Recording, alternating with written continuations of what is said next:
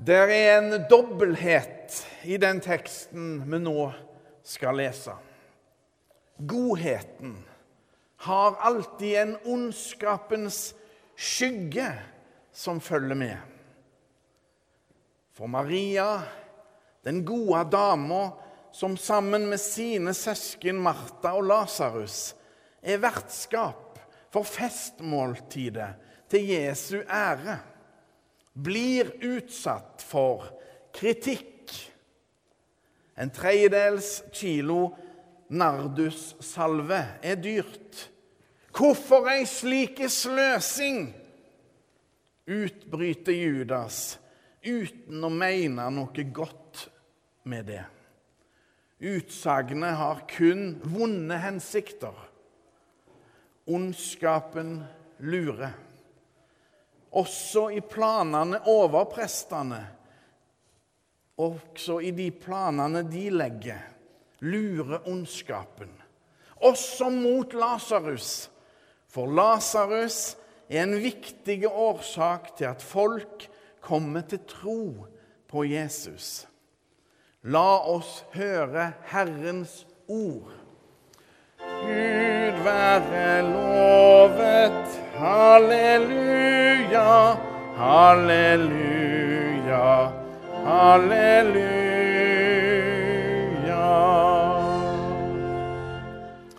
Det står skrevet i evangeliet etter Johannes. Seks dager før påske kom Jesus til Betania, der Lasarus bodde. Han som Jesus hadde vekket opp fra de døde.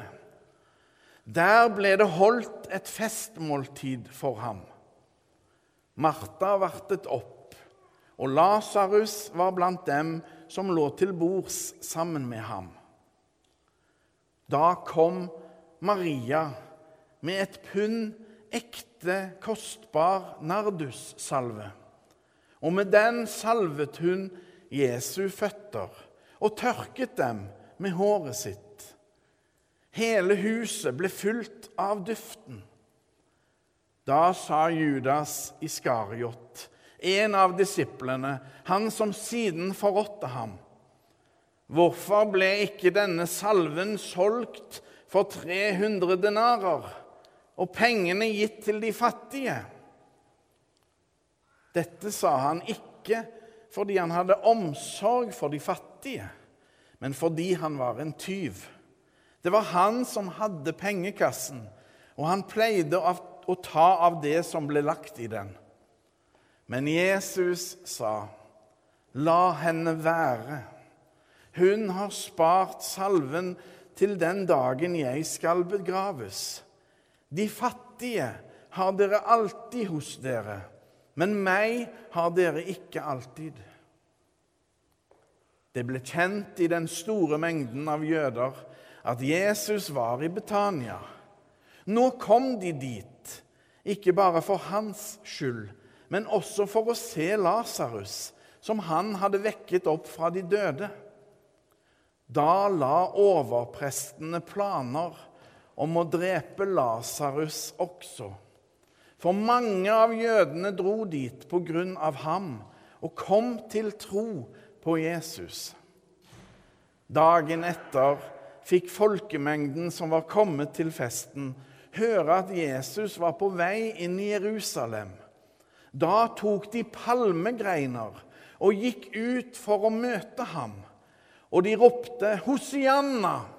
Velsignet er Han som kommer i Herrens navn. Israels konge. Slik lyder det hellige evangelium. Gud være lovet. Halleluja, halleluja, halleluja.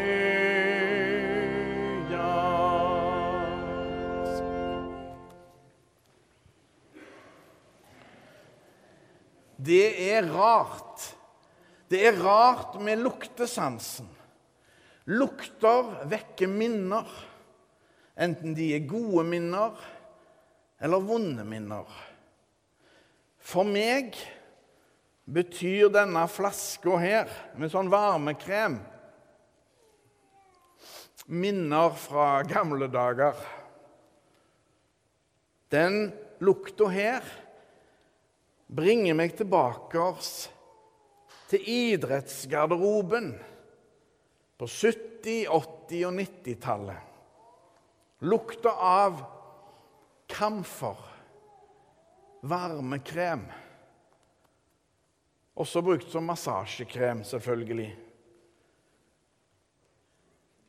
En spesiell, sterk lukt, men som ikke er sterk nok til å fylle hele rommet her nå. Men teksten, i den teksten vi nettopp leste, den nevner òg lukt. Hele huset ble fulgt av duften, leste vi. Og når lukta er god, da kaller vi det for duft. God lukt er lik duft, mens vond lukt, det er bare lukt. Eller stank, alt ettersom. Hver onsdag her i kirka da har vi åpen kirke, sjømannskirka. Da fylles hele dette huset av duft. Iallfall denne etasjen fylles av den duften.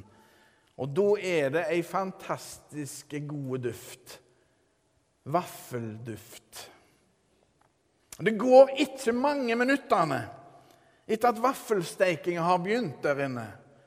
Så kjenner jeg den duften inne på mitt kontor, faktisk. Duften av vafler. Den duften er god. Og duften av vafler er nesten like god som smaken av vafler. Hele huset ble fylt av duften, leste vi. Og den dyre salven som Maria kom med, må ha hatt ei sterke og gode lukt eller duft. Og da hun salva føttene til Jesus, var dette noe alle som var til stede, la merke til. Alle visste at denne salven var kjempedyre. Og det dreier seg om ett pund salve. Det vil si 327 gram, eller ca. en tredjedels kilo. Meget kostbar nardussalve. Og 300 denarer, som Judas foreslår som pris, så de kunne ha solgt den salven for, det er jo rett og slett ei årslønn omtrent. Så mye var den salven verdt. Jesus forsvarer Maria og sier at hun har gjort noe fint, og at Maria har spart salven til den dagen Jesus skal begraves. Jesus vet at det er ikke mange dagene til det skal skje. Dramatikken nærmer seg.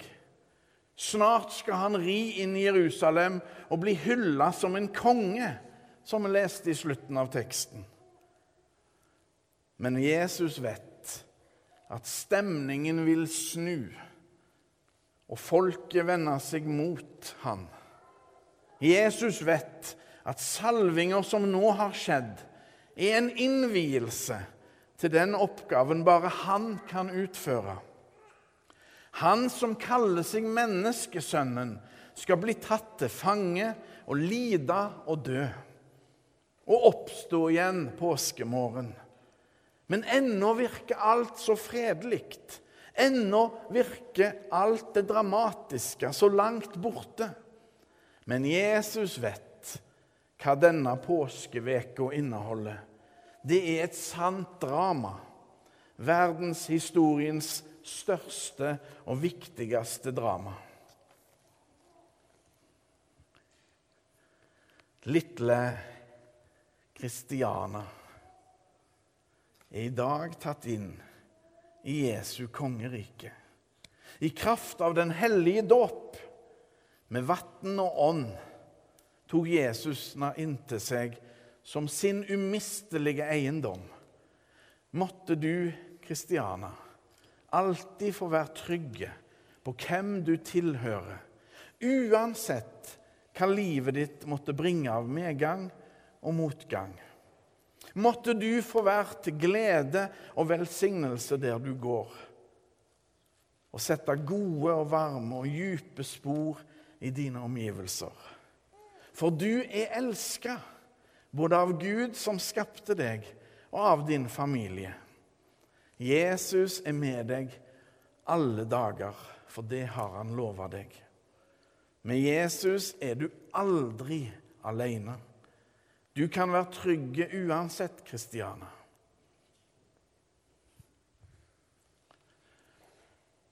Godheten har alltid en ondskapens skygge som følger med. Og det ser vi jo ny, i nyhetsbildet så veldig, veldig sterkt. Det gjelder òg i våre liv. Vi må velge det gode og avstå fra det onde. Vi trenger å innse at vi trenger hjelp for å leve. Vi trenger alle tilgivelse, nye sjanser. Vi trenger Guds forunderlige kjærlighet og nåde. Vi trenger å settes fri. Og det er nettopp derfor Jesus rir inn i Jerusalem. Den store kongen rir ydmykt inn i påskedramaet for å sette oss fri. Jesus gjør det med åpne øyne, sjøl om det koster han livet. Sjøl om det koster han alt. For i Jesus viser Gud oss at vi alle er verdt å dø for.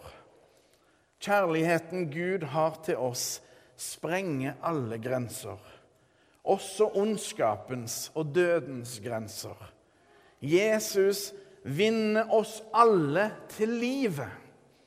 Frelserkongen Jesus, fredsfyrsten Jesus, hersker også nå.